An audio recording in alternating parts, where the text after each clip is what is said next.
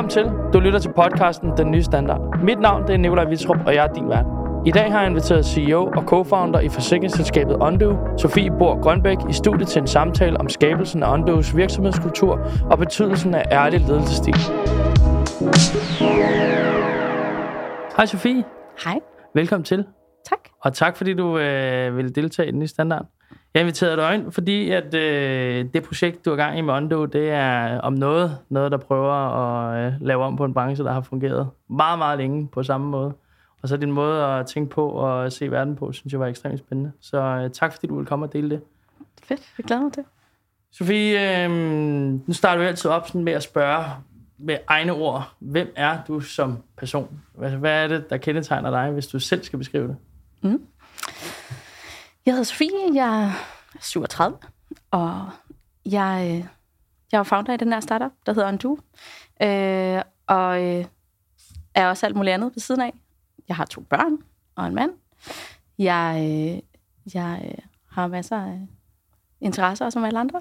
Øhm, og, øh, og så har jeg lavet Undo i de sidste 4-5 år. Øhm, men kommer fra en helt anderledes baggrund som øh, molekylærbiolog øh, oprindeligt. Så, øh, så hvis jeg skulle sige, hvem, hvad for en type jeg er, så er det nok, at øh, jeg er en, der ret godt kan lide at kaste med nye ting. Øh, jeg vil gerne have, at øh, der sker noget spændende, og at jeg får lov at lære noget nyt, og får lov at se, hvor langt jeg kan, jeg kan tage, tage den. Fedt. Øhm, ja. Hvor mange år var du øh, molekylær biolog? Jamen, jeg læste, jeg har en kandidatgrad fra molekylær biomedicin i, øh, på KU, og, øh, og brugte et par år som, øh, som hjerneforsker på, øh, på Panum Instituttet, hvor jeg skulle... Øh, jeg havde lige fået penge til at skrive min Ph.D., og så, øh, så sprang jeg fra og øh, kastede mig ud i nogle helt andre ting, fordi at, øh, at for mig blev det bare lidt for øh, vejen, hvor det lå bare for klar. Jeg kunne bare sige, okay, nu skal jeg min Ph.D., så skal jeg være postdoc, så skal jeg være professor, så dør jeg. Det var det liv. Okay. Det blev simpelthen bare for, for forudsigeligt og kedeligt. Jeg havde bare brug for, at der skulle ske noget, noget meget vildere, og at øh, jeg kunne få lov til at prøve nogle andre sider af mig selv af, end jeg gjort i forskning. Klart. Og hvis du skal spole frem og sige, øh, hvis du nu skal stille spørgsmål igen, hvad du skal beskrive dig selv, men nu skal du gøre det som, hvad du tror, dine øh, søde kollegaer øh, vil beskrive dig. Hvad vil de så øh, kendetegne dig med? Ja, jeg, jeg prøvede at spørge dem øh, i dag over frokosten, fordi du sagde, at du ville spørge, spørge om det.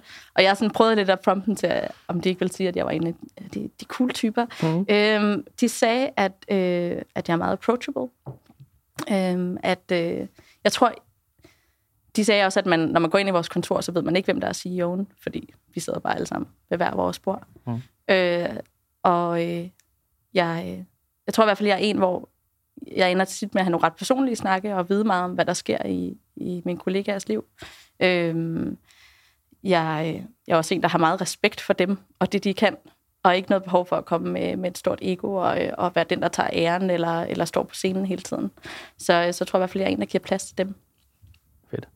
Så er jeg sådan lidt afslappet type også, synes jeg selv. Så øh, jeg, der, er sådan, der er sjovt at være på vores kontor, og der er en afslappet stemning. Og så, øh, og så endelig noget af det, jeg selv går mest op i, som, øh, som jeg også tror, at øh, min kollega vil give mig ret i, det er, at øh, jeg er virkelig øh, en, rolig, en rolig skive i vandet. Der, der skal virkelig meget til, for at jeg går i panik. Så selv i de mest sindssyge situationer, som vi selvfølgelig har haft i Andu, som plejer i alle startups, så, øh, så vil jeg i hvert fald selv sige, at jeg har været en ret rolig øh, hånd på roret. Fedt. Øhm, og det er simpelthen, fordi jeg selv har, som øh, da jeg var konsulent, der oplever man jo en masse forskellige chefer, fordi man er på en masse forskellige projekter. Oh. Og der havde jeg en, som bare kunne det der. Altså hun var bare fucking calm, selvom at det var sindssygt. Og det betød bare så meget, fordi så fik du ro til at løse problemerne. Så det besluttede jeg bare sådan, det, det er bare den, jeg skal være. Det, jeg skal aldrig, de skal aldrig se mig løbe panisk rundt, eller, øh, eller stå og råbe og skrige. Har det så lykkes i øh, syv år? I fem år? Hvor mange år? Ja, fem må det være, ikke? Ja, det er sådan 17 andre stykker, vi startede, ja, end du. Præcis. Ja, det synes jeg. Altså, øh, det gør, der har nok været et par, par, par enkelte undtagelser. Men så tror jeg, det mindste, at jeg har samlet nogle få mennesker i det rum, hvor jeg så har øh, slået hovedet, hovedet ind i væggen eller råbt. Øhm, så det er sådan ikke bare... Så du kan godt leve på væggene, selvom du er også rolig her? ja. ja. Right. Skal vi ikke prøve at hoppe tilbage til, øh, til begyndelsen? Fordi det er jo en ret utraditionel øh, rejse, du har begivet dig ind i, øh, i iværksætteri. Og nu lyttede jeg til en anden podcast, du har været i, hvor at, at du sagde, øh, eller du beskrev det som om, at det var ikke et, hvad skal man sige, det her naturlige kald, der var i maven. Der var, I gik meget mere analytisk til det, og så, hvad var det for nogle brancher, der var, og hvad kunne man ligesom øh, gøre bedre, og hvad for nogle øh, øh ting kunne man udvikle som, som øh, i både branche, men også i produkter. Og der kom jeg jo frem til at lave Undo dengang. Kan du ikke prøve at komme lidt ind på den, hvordan I, hvordan I kom ind i begyndelsen? Hvordan startede I med at, øh, at, at bygge op? Jo. Ja, som du siger, vi har haft en lidt anden tilgang og en lidt anden tanke om det, tror jeg, end, end i hvert fald den klassiske iværksætterhistorie, man hører. Øhm, og, øh, og for eksempel vil jeg også sige, selv nu, noget af det, der driver os allermest som founders i Undo, det er at skabe en fed arbejdsplads. Øh, og det, det er i virkeligheden en, en stor del af visionen for, for Undo, der handler om at prøve at virkelig have et sted, hvor folk kan, kan vokse, og hvor man kan skabe noget exceptionelt sammen. Og det var egentlig vigtigere, end, øh, end hvilket emne det var kan man sige. Så, øh, så vi var sådan ret øh, analytiske i starten. Vi kiggede bare på øh, forskellige industrier og sagde, hvor, øh, hvor kommer den næste disruption-bølge til at ramme? Mm. Hvor er det, at der er den største afstand fra, hvad, øh, hvad der bliver tilbudt i markedet, og hvad man egentlig kunne tilbyde med, mm. med den teknologi, der findes. Og der synes vi bare, at forsikring passede. Der var ikke nogen af os, der vidste noget om forsikring. Øh, jeg er molekylærbiolog, men vi tænkte bare, det må vi kunne lære. Okay. Og så, øh, så gik vi jo i gang, og så øh, fik vi tryk på som investor, og det har også selvfølgelig været en hjælp, at vi har nogle eksperter, vi kan ringe til derude, når, øh, når der er et eller andet forsikringsteknisk, der, øh, der, lige, skal, der lige skal forstås. Men øh, ja, og så på den måde lidt uh, anderledes. Og hvis man lige skal frame det, så er jo i dag, nu sagde du lige før, at du lige har gjort det op til, nu i 70 medarbejdere, så det har jo, har jo lykkes, må man sige, indtil nu, om ikke andet. Det må man sige. Altså, vi har, øh, vi har en øh, præmiebestand på 85 millioner, og vi øh, har snart 40.000 øh, kunder i Danmark. 40.000 husstande, der, der er forsikret hos os. Så, øh, så vi har helt sikkert lykkedes med den der første del af rejsen med at få product market fit og få skaleret forretningen. Og nu er vi sådan på den der næste scale-up-rejse, ikke? hvor ja. vi er lidt større. Kan vi ikke øh, få tilbage igen til, til helt til begyndelsen? Øh, fordi hele transformationsdelen er jo relativt spændende i det her. Fordi det er jo det der med at gå ind og kigge på et marked, hvor I, hvor I begynder at skal disrupt noget. Hvordan, hvordan gik I til det? Hvad sad I øh, med en forretningsplan og tænkte, nu øh, skriver vi det hele ned? Eller hvordan, hvordan kom I i gang? Nej, jeg vil sige... Jeg, jeg, synes, jeg, jeg synes, det, som, øh, som jeg plejer at give videre til andre, når, når de snakker om, det er, at jeg tror ikke, man behøver at have en eller anden genial, outrageous idé for at starte en startup altså man kan sige, ideen bag Undo, at gøre du ved, det samme som MobilePay har gjort for mm. øh, overførsler eller betalinger, gør det for forsikring. Det er en idé, der er så hjerteskærende åbenlys, at den, mm. der har alle i forsikringsbranchen, der har fået 10 gange. Ja. Det er jo ikke en idé i sig selv, der er vild.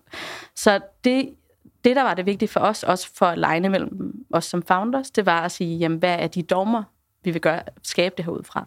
Hvad er vores filosofi? Hvad er vores tilgang? Øhm, og for eksempel alignede vi ret tidligt på, at vi gerne ville være øh, full stack. På, forstået på den måde, at, øh, at vi selv har bygget, øh, vi selv bygger al teknologien, og det er rigtig meget af en tech-startup, der mm. laver forsikring, ja. og ikke en forsikringsselskab, der laver tech. Okay. Så vi har bygget vores eget kernesystem, vi har bygget vores eget backup-system, vi har bygget alle vores apps, vi laver alting in-house, og rigtig, rigtig meget af det, vi laver, det handler om at skabe god produktudvikling, og skabe et miljø, hvor man kan lave fede produkter. Så der var ikke, der var ikke øh, besluttet mere end det, da vi gik i gang.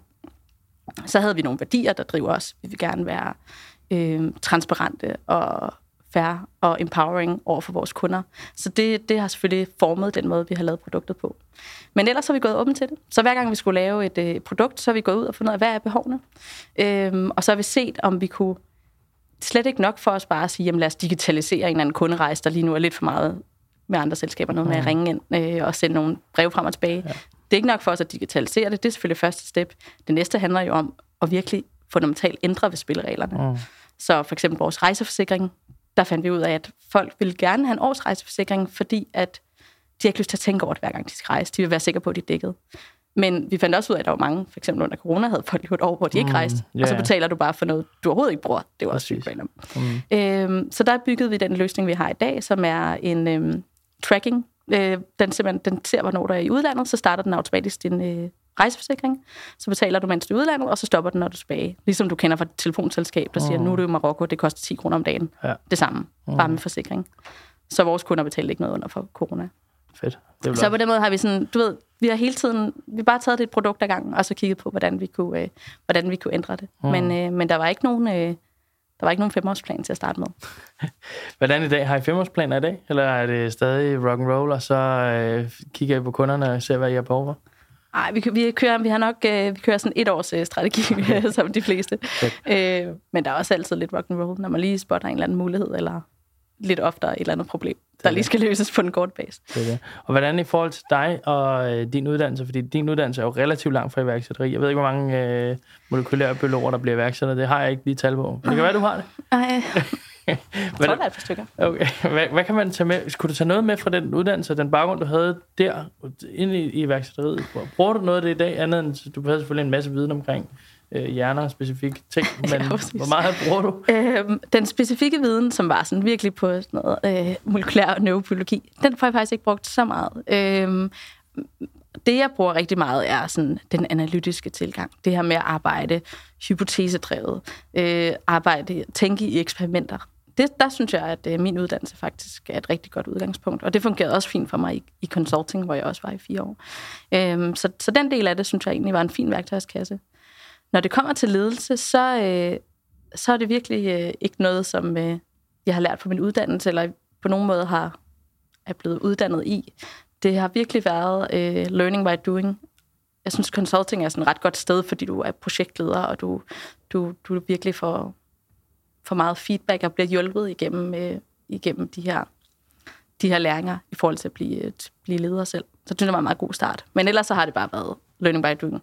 Men ledelse er vel også svært at lære igennem en uddannelse, eller hvis det, det handler jo også om at lave fejl og forstå, at man, ups, det var vist en forkert vej, jeg gik her. Det er det, og meget af det heller ikke et, et hårdt skillset, men handler mere om, at øh, hvad, for en, hvad for en type menneske du er, mm. øhm, og hvordan du går til andre. Hvilket rum du kan skabe. Kan du skabe et trygt rum omkring dig? Kan du, øh, kan du være der for folk, når de har det svært? Ja. Kan du indgyde tillid? For en ny person, der skal starte i din virksomhed. Det har været de ting, der virkelig har gjort en stor forskel for mig, og det er jo søren ikke noget, du Hvor meget er du med på onboarding i dag? Er du stadig med på, når, når nye medarbejdere starter hos jer? Er du så stadig med i en, en fast del af onboarding? Ja, ja, det er jeg. Så er vi heller ikke større, trods okay. alt. Vi sidder også alle sammen i det samme rum og kender hinanden og sådan noget, så det er ikke fordi, det er sådan noget, hvor jeg bare møder strangers på gang. Og sådan. Men det er jo stadig en prioritet at gøre det sådan, fordi hvis jeg er 70 medarbejdere, så er det stadig en størrelse virksomhed, hvor de trods alt øh, begynder nu at være en størrelse, hvor du ikke kan, kan huske alle børns navn måske. Ja, måske true. kan du godt. Ej, men jeg er ret dårlig med navn generelt, okay. så jeg var sådan... så er det nok ikke på grund af størrelse. Øhm, nej, øh, jeg er stadig med, fordi at øh, en af de ting, der sker på vores onboarding, er selvfølgelig, at man skal høre om vores vision, mm-hmm. om, at, øh, om at ændre forsikring og give en ny generation nogle helt andre forventninger til, hvad forsikring skal kunne. Mm. Øhm, det skal jo selvfølgelig være mig, der fortæller det. Øh, og så fortæller jeg altid historien om, hvordan vi startede med mange flere røverhistorier, end der er her.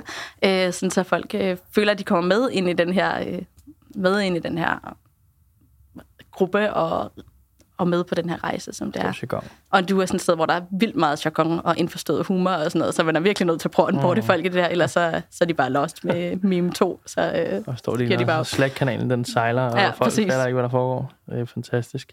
I forhold til hele... Ansætter du stadig folk, eller har du HR til at gøre det? Jeg ansætter stadig folk. Så kan jeg øhm, det er ikke så tit, jeg ansætter nogen... Øh, jeg har lige ansat en for ja. nogle uger siden. Men øh, ja, Hvordan, hvordan prioriterer du så, når du, når du selv kender din egen uddannelsesbaggrund, og hvad det har øh, hvad skal man sige, ikke været super relevant for der, hvor du er endt. Hvor meget bruger du så sådan noget som uddannelse i din rekruttering? Bruger du det noget? Eller? Jeg gør det faktisk ikke særlig meget. Altså, ham jeg lige ansat, jeg tror ikke, jeg kunne fortælle dig, hvad han har læst. øhm, og øh, altså, jeg tror aldrig, jeg har kigget på et, øh, et karakterblad.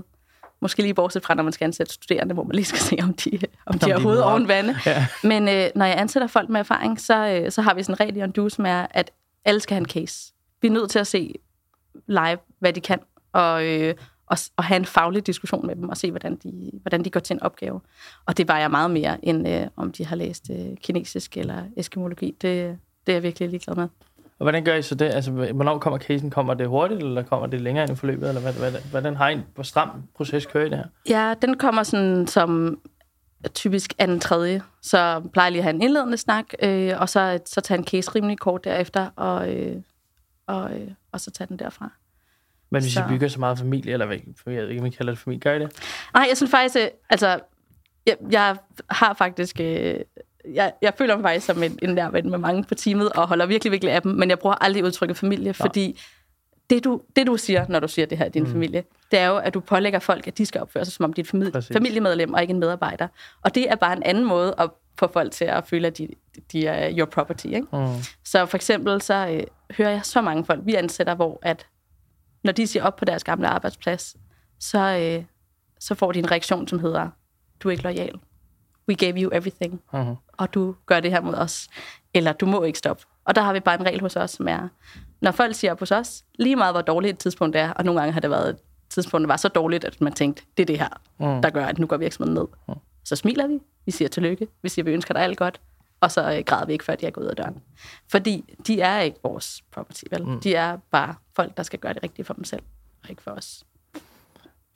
Spændende. Det er i hvert fald en, øh, en fed holdning at have, også fordi nu, normalvis så starter verden jo relativt omskiftelig. Det vil sige, der er også relativt mange medarbejdere både ind og ud. Nu sagde du, inden vi... Øh, nu, nu satte du mig jo i gang med at sætte en note ind her, at, at I holder jo på jeres medarbejdere lidt anderledes, og jeres vækstplaner har også skruet lidt anderledes sammen. Kan du ikke prøve at øh, uddybe det foran en mikrofon? Jo, det kan jeg godt. Øhm, ja, for det første holder vi faktisk øh, virkelig godt på vores medarbejdere. Det, der, øh, vi har vores retention er, er, er, er virkelig god. Øhm, men det andet er, at det er sådan lidt bredere ting. Det handler lidt om, hvordan vi bygger den her startup. Jeg ser lidt også som, øh, som den her nye generation, som kigger på de startups, der var der tidligere, hvor det bare var, du ved, move fast og break things, bare øh, være lidt ligeglad med verden omkring sig. Mm. Det var at køre sine medarbejdere helt i bund, fordi det er startup-verden. Mm. If you want to join, you gotta Ja, do like this. præcis. Øh, og, øh, og sådan havde hele den her, den her kultur, som vi faktisk ikke særlig godt kan lide. Så vi har, øh, vi har ligesom insisteret på at køre det på en anden måde, og blandt andet sige, jamen, vi, altså, vi, skal ikke, øh, vi har ikke en kultur hos os om, at man øh, sidder og arbejder hele aftenen. Øh, vi har selv børn, vi, mig og mine tre- to co-founders, vi fik alle sammen en baby samtidig, sådan to år ind i virksomhedens liv. Det var fuldstændig sindssygt, og på mange måder en kæmpe totalt frygteligt. Men du ved, der blev bare sat sådan en, der er bare ikke noget, du gør, når der kommer en baby. Altså, øh, hvis Jon ligger og føder, så kan hun altså ikke svare på telefonen. Nej, så, øh, så lærer man det ligesom på den hårde måde. Øh, og, øh, og vi har bare, øh, vi har bare besluttet, at det, det er ikke den arbejdsplads, vi vil lave. Det er en startup, så selvfølgelig er der kaotiske tidspunkter, og der er noget volatilitet, som er umuligt at, umuligt at styre. Så det er ikke, fordi vi ikke kan have stressede perioder, eller perioder, hvor man... Jeg har også haft masser af perioder, hvor jeg virkelig bare kørt ned. Men det er bare ikke den type virksomhed, vi er. Så hver gang man har den periode, jamen, så skruer man tilbage. Eller man går kritisk til hinanden og siger, jamen, skal det her ske så hurtigt? Mm. Når du siger, hvis jeg ikke gør det her i morgen, så går virksomheden lidt ned. Er det virkelig rigtigt? Mm. Eller er det bare en eller anden historie, du har lavet om dig selv? Så vi prøver virkelig at udfordre hinanden på de her ting. Så, øh, så vi holder fast i at sige, at man skal altså kunne skabe en arbejdsplads, hvor folk har, øh, hvor folk har børn og har et normalt liv, selvom det er en startup. Vi prøver, øh, når vi, når vi prøver herindefra at gøre det sådan, så kigger vi altid, øh, mig og min produktionschef øh, især, når vi har tider, hvor vi siger, nu kigger vi ind i en, i en periode, hvor det bliver rigtig, rigtig svært og øh, tough times, og vi kommer til at arbejde mere, end hvad vi har lyst til, og vi kommer også til at pålægge vores medarbejdere noget, som vi ikke har lyst til. Så har vi altid haft en regel for os selv, der hedder, at det vigtigste i verden, det handler om at sige, når vi går ind i den her periode, så ved vi, hvorfor vi går ind i perioden, sådan, så vi kan forklare alle omkring os, hvorfor går vi ind i den her periode, sådan så vi også kan forklare alle, at vi faktisk ikke har ønsker om at være i den her periode, men vi bliver nødt til at være det for at komme hen, sådan så vi kan løfte det pres, der kommer til at være den byrde. Så jeg, ser, jeg er meget, meget enig i din måde at se, øh, se arbejdspres på, fordi det er virkelig en, en vanskelig diskussion at tage også, fordi især med passionerede mennesker og folk, der gerne vil frem i verden, de vil arbejde solen sort for dig, og hvis du siger til dem, kan vi nå at gøre det her i morgen, så tænker de, hvis jeg gør det her, så er det Præcis. lidt bedre. Præcis. Det lyder som en god måde, I gør det på. Ja, vi prøver i hvert fald, og det, for os er det også meget det der, og, og også en af grundene til, at jeg startede den nye standard, det er også for at få inspiration udefra, for det er svært at spørge en direktør direkte til at sige, hvordan gør I med jeres kultur? Fordi du, kultur er et kæmpe spørgsmål. Altså, det, det kan være alting. Ja. Kan du ikke prøve, hvad, hvad, hvad for nogle ord vil du så lægge på jeres kultur, hvis du skal beskrive den? Har, har du sådan et, øh, det har du, når du øh, starter folk op, vores kultur, det er det her, det her, det her. Eller hvordan gør I det? Det sjove er, at øh, det behøver jeg faktisk ikke. Nej. Når folk kommer ind på kontoret, så øh, sker det næsten altid, at de kommenterer på, øh, på hvor rart der er at være. Sådan noget som for eksempel, okay, alle hilser på mig. Ja. Og sådan, jeg var faret vildt ude i garderoben, og der kom tre mennesker hen og spurgte, hvem jeg var, om jeg havde brug for en hånd. Eller hvad nu? Okay, så stor vores Det garderobe, ikke? være, man fordi, faret det kan vild. også være, fordi det var, fordi han var ved at stjæle, jo. Altså, det kan være, det er folk, der sådan, hvad fanden Ja, laver det han med jakke om der? Men, men seriøst, når du kommer ind, sådan, også den størrelse, vi har nu, er bare noget helt særligt, mm. fordi vi har jo, øh, vi har jo hele vores skadeafdeling, som er, for det første er vores virksomhed meget ung, så Mm. alle er, næsten alle er mellem 20 og 35. Så bare en masse unge mennesker. Øh, og så har vi alle de her små afdelinger. Vi har en lille skadeafdeling, vi har en lille øh, forsikringsrådgiverafdeling, og selvfølgelig en masse udviklere og nogle marketingfolk og sådan noget. Men vi er stadig så små, så alle kender hinanden og ved, hvad hinanden laver, så du ved, du kommer ind en morgen efter, der har været branden i Vandløse, og du ved, at vi har kunder i de lejligheder, og du ved, at vores skadebehandlere, de er skyndt sig ind på arbejde og sidder klar og skal hjælpe alle de her mennesker. Og så ser du øh, webudvikleren, der lige øh, laver en kop te og går ned til, til skadebehandleren og, og stiller den. Og så øh, ugen efter, så, øh, så kører vi tv-reklamer og har vores bedste resultat nogensinde, mm. og så er det øh, skadebehandleren, der henter en øl til ham på marketing. Altså. Ja. Så det, vi er bare stadig det sted, hvor at folk øh, arbejder tæt sammen og kender hinanden godt, og der bare er det der, den der rare stemning, det der, det, det der sammenhold. Det er flot, især når I bliver så store, at I kan holde fastholde. Jeg synes, det er rigtig sejt. Godt gået. Jeg håber, vi kan fastholde det. Vi har, øh, det var det, du spurgte lidt før. Vi har, vi har hele tiden besluttet, at øh, apropos opgør med gamle dommer, jeg tror tidligere har man prøvet at vækste virksomheden, det kan man i hvert fald få indtryk af udefra, at folk har prøvet at, at vækste deres virksomhed i medarbejdere så hurtigt, som de overhovedet mm. kunne få funding til. Og det har vi med vilje ikke gjort. Øhm, både fordi vi vil undgå premature scaling, men rigtig meget fordi, at vi ikke troede på, at vi kunne bevare den her kultur. Mm. Så vi prøver sådan at, at kun at ansætte det i det tempo, som vi faktisk tror, vi kan understøtte, øh, uden at miste kulturen. Men har I ikke også en, en, en fordel i godsøjen med, at, at I ikke behøver at skal skyde sig i morgen til en eller anden? Fordi når, ofte, når man siger, at vi skal have 150 medarbejdere, så er det fordi, man vil vækste en toplinje, man vil ud og skyde virksomheden af inden for ikke antal år. Handler det ikke også om det? I har ligesom et sweet spot, hvor I kan få lov til at lave en, i godsøjen en rigtig virksomhed, fordi det er det, I har startet op med at lave. Oh, det kan være, at jeg, sådan, jeg sådan skulle presset for at vækste toplinjen, og, og få, det, det, det er sgu højt nok, så det, så det ved jeg ikke helt om at tilfælde. Også svært nok. Jeg ville ønske, det var sådan. Ja. Hvad er det for en uh, mantra, I lever efter? Så, så er, det, det er ikke familiært, det siger du, det var det ikke, fordi der er en bagside med den der. Bruger du så et andet? Er det, er det team spirit, I kører efter? Er det ligesom et fodboldhold? Hvad, er der noget, som din, din, bruger du noget i billedsprog, som du, uh, du arbejder ud fra? Øh, ej, jeg har ikke sådan et godt billedsprog, men det, som vi arbejder rigtig meget med, det er, at øh, vi, vi har sådan en squat-struktur. Mm-hmm. Så vi har en, øh, en meget flad struktur med øh, otte squats, som i virkeligheden fungerer som små, sådan ret selvkørende enheder. Øh, og øh, det, som vi fokuserer på, det er, hvordan kan vi skabe rammer rundt om dem, processer, kontekst, tools, som gør, at de hver kan lede deres squat som en lille startup i startupen, og at den projektleder eller squat lead kan tage beslutningerne selv og har det mandat øh, til at køre med tingene. Så vi har, vi har øh, rigtig meget mandat ude på de her, de her ledere, øh, og de tager rigtig mange beslutninger. Øh, den måde, vi styrer det på helt konkret, er, at vi bruger OKRs, som så mange andre også gør. Øhm, og når vi så skal til at starte på en ny cycle, så øh, skriver vi fra ledelsens side et, øh, et narrative. Så vi skriver som en historie om, hvor er vi? Hvad er det, hvor er det, vi kommer fra? Hvad er det næste store skridt? Hvad er det, der skal til, for at vi når vores mål? Hvad ser vi som de største udfordringer og muligheder for virksomheden nu? Og så lægger vi det ud. Og så er der virkelig en stor opgave for de enkelte squads, som at finde ud af, hvordan kan de bidrage til det her næste skridt. Og så får de lov til at finde ud af, hvad er deres, hvad er deres løsning på det her problem. Så, øh, så det er jo sådan en... Øh, det er jo sådan en... Øh, der er rigtig meget frihed, der er rigtig meget mandat, der er rigtig meget ansvar. Øhm, og, og det vores arbejde er så at få det til at fungere. Og til at støtte de her rigtig ofte unge ledere, mange af dem har deres første ledelsesjob hos os, øh, understøtte, at de, øh, at de kan tage det her ansvar. Og der, der kan man godt mærke, at det er tit, at de er på en virkelig, virkelig stejl læringskurve, mm. så der skal selvfølgelig noget, noget støtte til. Øh, så det bruger vi også en del af vores tid på. Men skal vi så prøve, vi, vi kan prøve at hoppe over i produktudvikling, fordi det er jo meget det, som, som når man læser om jer udefra, så det er jo meget det, I slår ned på også, det her med, at I, I hammerne dygtige til at lave hele jeres tech-stack, I har bygget en forretning på det, det er jo også det, jeres forretning i bund og grund er det er jo, at de har, har gjort markedet meget, meget markant nemmere for, for folk at forstå og se, og det betyder også med den målgruppe. Hvad var det, jeres målgruppe? Det er vel næsten det samme som dem, der dem er I ansat, ikke? Ja, så det er lidt uh, built by the, by the people who need it. Uh, 20-40 år, ja. Fedt. Så I sidder selv og siger, at det kunne være federe, hvis den her knap var større eller mindre? Fordi det ser fedt ud. Det er i hvert fald, det er alle sammen nogen, der kan, der ligesom kan lide brandet også personligt, og selvfølgelig er de fleste også kunder og selv, og og så videre. Hvordan, hvordan er ønsket for jer? Har det været at udvikle teknologien, eller har det været at gøre det nemmere at kunne købe og forstå forsikringer? Hvad, altså, hvad, hvad, hvad, hvad har været jeres go-to, eller kan det egentlig ikke løbe uden det andet? Det, vi har rigtig mange folk, som er drevet af teknologi og synes, det er spændende. Men det, som er vores opgave, det er hele tiden at sige, det skal jo være, det skal være et formål. Vi skal ikke bygge et eller andet rocket ship, hvis det ikke giver mening. Så vi, vi styrer det ret stringent i forhold til at sige, det skal være noget, der gør det nemmere, eller mere fair, eller bare federe at være forsikringskunde, ellers, øh, ellers skal vi ikke bygge det. Hvordan med, med, I må også have haft nogle, nogle, fordi nu sagde du selv med rejseforsikring før, når en, når en kunde ikke betaler for et års rejseforsikring, så mister man jo som forsikringsselskab en relativt stor omsætning. Har det været en, en, en bekymring for jer, eller har I været tænkt, at hvis vi gør det godt for kunder, så kører de mere, og derved så er omsætningen det samme eller mere?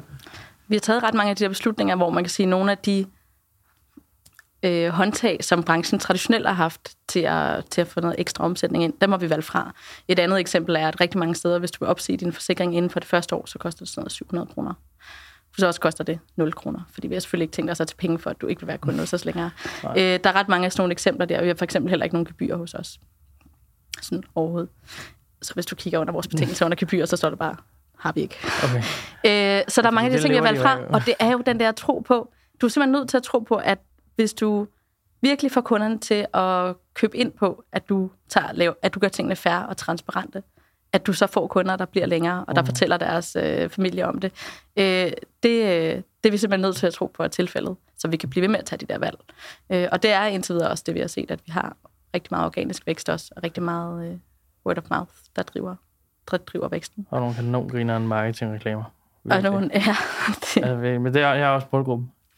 Jeg er kun 31. Har du, prøvet, øh, har du prøvet bilforsikring? Har du taget test drive? Nej. Nu ved jeg ikke, om du har en bil. Ja, men det har jeg, men jeg har forsikret igennem. Det er firmabil, så der er... Så der, okay, ja, det kan vi ikke dække. en anden uh, dinosaurforsikring. Men sådan er det. Det uh, håber jeg ikke, det er mere live. Men vores bilforsikring er jo det her setup, hvor at, uh, eller det her koncept, hvor vi siger, okay, et af de største problemer med bilforsikring, det er faktisk prissætningen. Hmm. Det er, at man bare siger, at alle unge, de er nok per definition dårlige bilister. Mm. Så de får alle sammen en rigtig høj præmie. Ja. Og det vi har lavet, det er ligesom test drive. alle, der kører motorcykel, er øh, dårlige bilister. De skal ja. også betale fuldstændig vanvids øh, Ja, det er sikkert også rigtigt. Æ, hvad hedder det? De, øh, man tager det her test drive, som bare betyder, at i tre uger, så holder vi øje med, hvordan du kører gennem din telefon. Så vi tracker bare, hvor hurtigt kører du, hvordan drejer du, hvordan accelererer du, hvordan bremser du, og så får du en score fra 0 til 100 på, hvor god en bilist du er. Jo tættere på 100, jo bedre kører du, jo lavere pris får du. Okay. Så du får simpelthen lov til at bevise, at du kører lige så godt som en 40-årig, selvom du er 23. Og så kan du få en lige så lav pris som en 43-årig. Har I gjort det sådan på kontoret, at den der er bedst ting, og øh, så har I lavet sådan et uh, visuelt... Et uh, sådan scoreboard? Ja. ja, der har i hvert fald været ret meget internal uh, competition, især da vi, sådan, vi havde nogle testmodeller, som vi testede, og sådan noget, hvor folk kørte rundt. øhm, og vi har også alle forældre og sådan noget, som kunder, sådan, så man ved jo, hvordan uh, folks familie kører. Det er det. Ja. Mm-hmm. Hvordan, øh, når du sidder i den daglige drift, sidder du mest med produktudvikling eller ledelse? Hvor, hvad, hvad bruger du øh, din tid på? Det, ja. Ej, jeg sidder ikke, jeg sidder heldigvis ikke så meget med oplæring, trods alt. Men øh, det er virkelig bredt, fordi jeg, øh, det, er også det, det, jeg er også, det er også mig, der henter funding. Mm. Øh, så jeg har også lidt mere eksternt øh, rettet job. Øh, så en del med produktudvikling, og så er der faktisk rigtig meget andet styring af sådan et forsikringsselskab, som er at kigge på risiko, som er at kigge på prissætninger, betingelser, øh, hvordan vi skalerer forskellige dele af organisationen. Øh, og øh, så det, det er faktisk, øh, jeg plejer sådan, noget af det, jeg synes er rigtig sjovt ved en startup, det er, at man starter med at lave alle jobsene. Mm. Så jeg føler sådan, min startup-rejse, det har været, at jeg har startet med at have 20 forskellige jobs, som jeg alle sammen gjorde rigtig dårligt.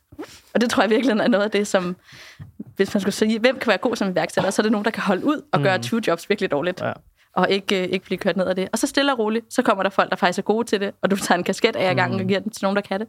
Og så forhåbentlig sidder du tilbage med så få jobs til sidst, at du, øh, at du, kan, at du kan blive god til dem. Jeg håber, jeg er lige der, hvor det vender snart. øhm, så, øh... jeg, hørte, jeg hørte i den anden podcast, at du var blevet rigtig god til betingelser, forsikringsbetingelser. Det vidste du ikke noget om, da du startede, men det ved du rigtig meget om nu, hørte jeg. Ja, skal du til at høre mig nu? Vi har jo sådan, de plejer til fredagsparne, har vi sådan nogle øh, betingelseskvisser, hvor øh, så skal du drikke et shot øl, hver gang du vil gætte på, hvordan... Ja, der, øh, den plejer jeg i hvert fald at vinde i, okay. sige. Du plejer ikke at gå fuld hjem, det er det, du siger? ja, præcis. øh, jeg tror i hvert fald, at det, det er sådan noget, det er virkelig meget sådan, folk er jo du, at de synes, det er vildt sjovt at nørde ned i et eller andet. Mm. Og når vi har ikke ansat nogen, for, altså alle vores, øh, hele vores produktteam har overhovedet ikke lavet noget med forsikring før.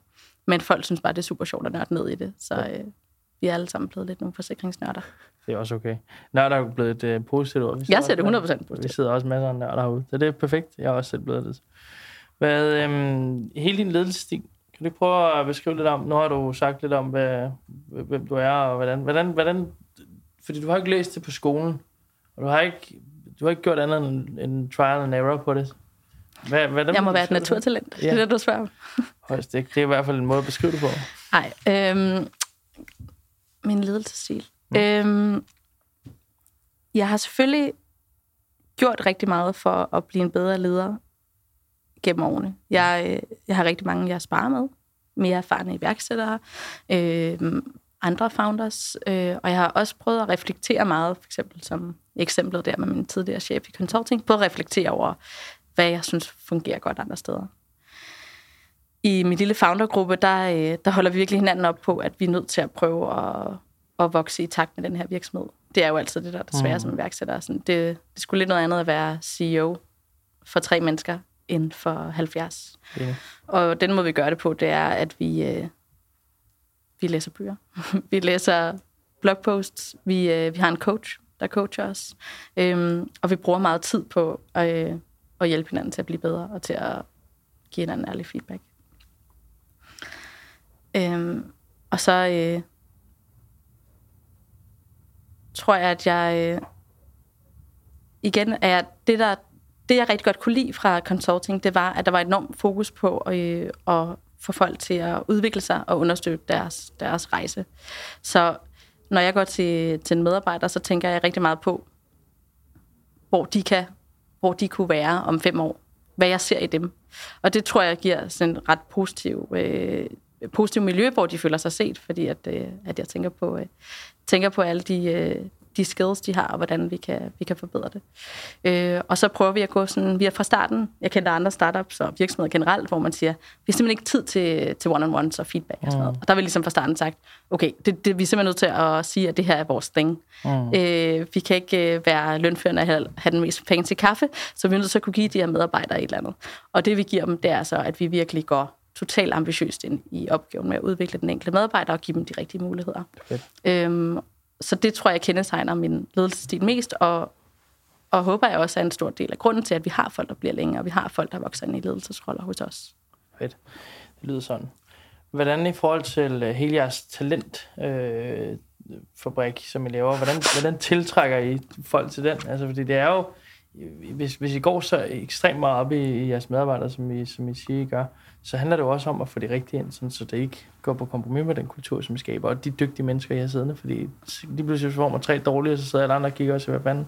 Præcis. Det går vi virkelig meget op i, også fordi, som du siger, det, det er toksisk for kulturen, hvis du har en, der bare ikke mm. er, øh, ikke er med. Så, øh, så det går vi sindssygt meget op i. Vi har jo brugt rigtig meget tid på sådan at fine-tune både vores øh, hiring-proces. Øh, vi har selvfølgelig lavet øh, hires, der ikke fungerede ligesom alle andre, men så har vi også samlet management-teamet bagefter og sagt, fuck, det her ja. gik ikke godt. Gik Hvad gik det galt? Mm. Hvor kunne vi have set det før? Hvad er de processer, vi kan sætte ind, ind med, for at vi fanger det hurtigt næste gang, eller vi ikke får ansat øh, en, der, en, der ikke passer godt til rollen. Øh, så det har vi selvfølgelig gjort i forhold til processerne. Øh, og så ellers er det jo det, er jo det der er det så fedt i, en, i tech-verdenen, at hvis du, får, øh, hvis du får ansat, hvis de første fem, du ansætter, er nogen, som er sindssygt dygtige, så tiltrækker det bare flere folk, mm. der også er sindssygt dygtige. Øhm, en af vores første tech hires, vores øh, lead mobile udvikler, øh, Philip, han har i sin fritid ved sådan af sit arbejde i Andu, har han lavet Min Strøm, som nu er den mest hentede app mm. i Danmark. Jo. Så du har, vi har bare nogle typer, som er sindssygt dygtige inden for deres faglighed, eller i deres faglighed, og som samtidig har en selv har i virkelig sådan et iværksætter-mindset. Øhm, og det, det tiltrækker bare flere, der er på samme måde. De folk, vi har haft, som har stoppet hos os, det har også næsten alle sammen været for at starte deres eget, eller gå med i en tidlig startup. Så det er folk, der er på den måde. Mm. Øh, så det er også det, jeg er slet ikke på top 10-listen over rockstars inde hos os. Det, det, det vil jeg, vil jeg heller ikke drømme om. kan være, der bliver den dag. Ja. Hvordan øh, i forhold til hele den bagside af medaljen, som, som jeg egentlig på grund øh, synes jeg er så ekstremt spændende også, fordi, fordi du, du mener jo både styrke og sårbarhed, det hænger sammen, har jeg hørt dig sige. Også. Jeg har hørt dig sige rigtig mange ting. Sorry. Øhm, er, det, er det det, der gør en god leder? Er det refleksionsevnen på både det gode og det dårlige? Altså at vide, hvornår man er rigtig dårlig også? jeg tror i hvert fald, der er noget i... Nu snakkede jeg om før, at jeg synes, jeg tit har nogle sådan ret personlige snakke med, med mine kollegaer, og egentlig ved, hvad der virkelig, øh, hvad der virkelig rører sig for dem, og, og hvad for nogle hårde ting, de går igennem. Og en af grundene til, at jeg kan have det, tror jeg også har været, at vi, jeg selv har været åben den anden vej. Mm.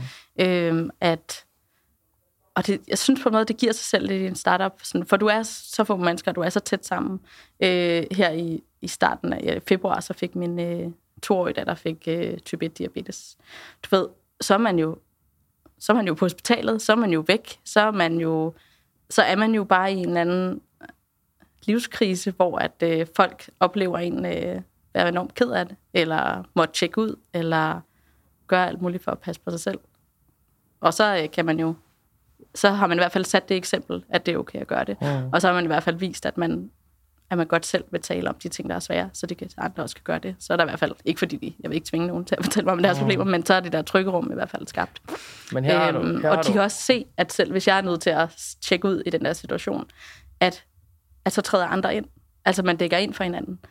Jeg, jeg snakkede med en veninde, der arbejder i en stor virksomhed, og hun sagde, at hos os er der virkelig meget forståelse, hvis man har en eller anden krise på privatlivet. Men altså, det bliver selvfølgelig forventet, at man når det samme. Hmm. Og det er bare sådan, så er der bare ikke forståelse. Nå. Altså, det, hvis du har et retfærdighedsprincip, som hedder, at alle skal lægge 37 timers arbejde, det er bare et dårligt retfærdighedsprincip. Hmm. Du er nødt til at acceptere, at i en startup, hvor tingene er så flydende, der er det, at folk lægger det, de kan. Hmm. Og så må vi hjælpe hinanden, når der er nogen, der pludselig ikke kan af den ene eller den anden grund. Øhm, og, øh, og stole på, at, øh, at vi, vi skal løfte som et team. Så, øh, så det er okay. Men de her eksempler kommer, men der er jo heller ikke noget, man kan læse i en ledelseshåndbog, at ved at vise et eksempel på at være, være åben sårbar, at det er noget, som virker godt. Jo, det kan du godt læse, og så hvis du så udøver den teori uden at have det sådan, så, så går det relativt hurtigt, før folk finder ud af, enten du er en psykopat, eller enten er du rigtig følelsesløs. Ikke? Så, så der er jo noget, noget i det her i ledelsesstil også, der handler om at sige, hvad er det, du tør at vise af dig selv ud mod din egen virksomhed. Præcis. Jeg, jeg gør det jo ikke som en... Øh, jeg gør det ikke for at opnå noget. Nej, jeg, jeg gør det jo bare, fordi at det er sådan, jeg er. Og det. jeg er bare nødt til at være mig selv. Det er det. Øh, ja.